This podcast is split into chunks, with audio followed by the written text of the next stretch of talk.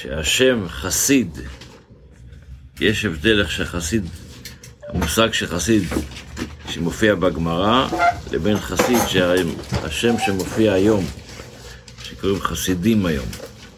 אומר הרבי ככה, שם חסיד הוא שם קדום הנמצא כבר בדברי רז"ל.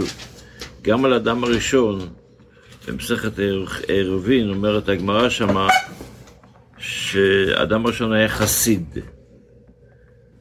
מה המושג חסיד? וזה תואר השלמות וההפלגה, אם בשכל או במידות או בשניהם ביחד. זאת אומרת, חסיד בגמרא זה אדם שהוא שלם. אמנם בתורת החסידות חב"ד, התואר החסיד זה לא אדם שהוא שלם או מושלם, אלא אם מכיר את מהותו העצמית ומעמידו בידיעת התורה ולימודו במצב בקיום המצוות, ויודע הוא מה שחסר לו. לא, לא שהוא שלם, להפך, חסיד הוא כזה שיודע שהוא לא שלם, שיש לו עוד מה להשלים. יודע הוא מה שחסר לו ונותן לב ודואג למלות את החסר. הוא מרבה במשמעת בדרך קבלת עול. היות שהוא יודע שחסר לו, אז הוא עושה זה, היות שהוא לא, לא הכל מבין, לא הכל... אז זאת אומרת, במילים אחרות, יש שני, שני מושגים של חסיד. יש חסיד שמופיע בגמרא, איך שכתוב אצל דוד המלך למשל, שמרה נפשי כחסיד אני, או האדם הראשון, איך שהרבי מביא פה, הגמרא אומרת שהוא היה חסיד, חסיד זה לשון שלם, היה לו שלמות. וחסיד במושג של שבחסידות חב"ד זה בדיוק הפוך. חסיד זה אדם שיודע כמה שחסר לו. הוא מכיר את החסר שבו ומשתדל לעשות מה שהוא יכול, להשלים את זה, גם אם זה דורש, גם אם זה דורש ממנו קבלת עול. זאת אומרת, לעשות את זה מתוך אמונה, מתוך קבלת עול. בשני ההלכות שאנחנו לומדים, אז אנחנו עדיין בבשר בחלב. אז כבר אמרנו שהתורה אמרה שאסור לנו לבשל בשר וחלב ביחד, אסור לנו ליהנות בשר וחלב ביחד, אסור לנו ל... לסחור בבשר וחלב ביחד. עכשיו, היום נלמד אז שבשר וחלב זה לא רק אם יש בשר וחלב.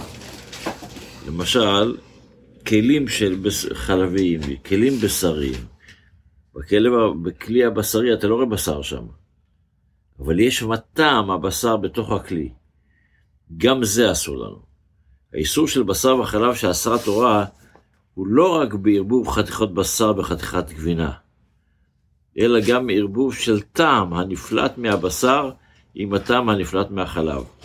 ולכן, אנחנו אוסרים לאכול מבישול של בשר, ש... מבישול שבכלי. בשרי יתבשל משהו חלבי או הפוך.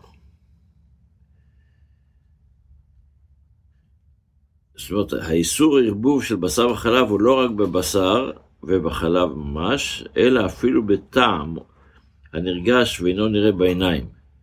לכן סיר שבישלו בו בשר, הרי נפגם ונפלט בטעם הבשר בסיר, ואם יבשלו בו חלב, יפלט טעם הבשר מהסיר וייכנס בחלב.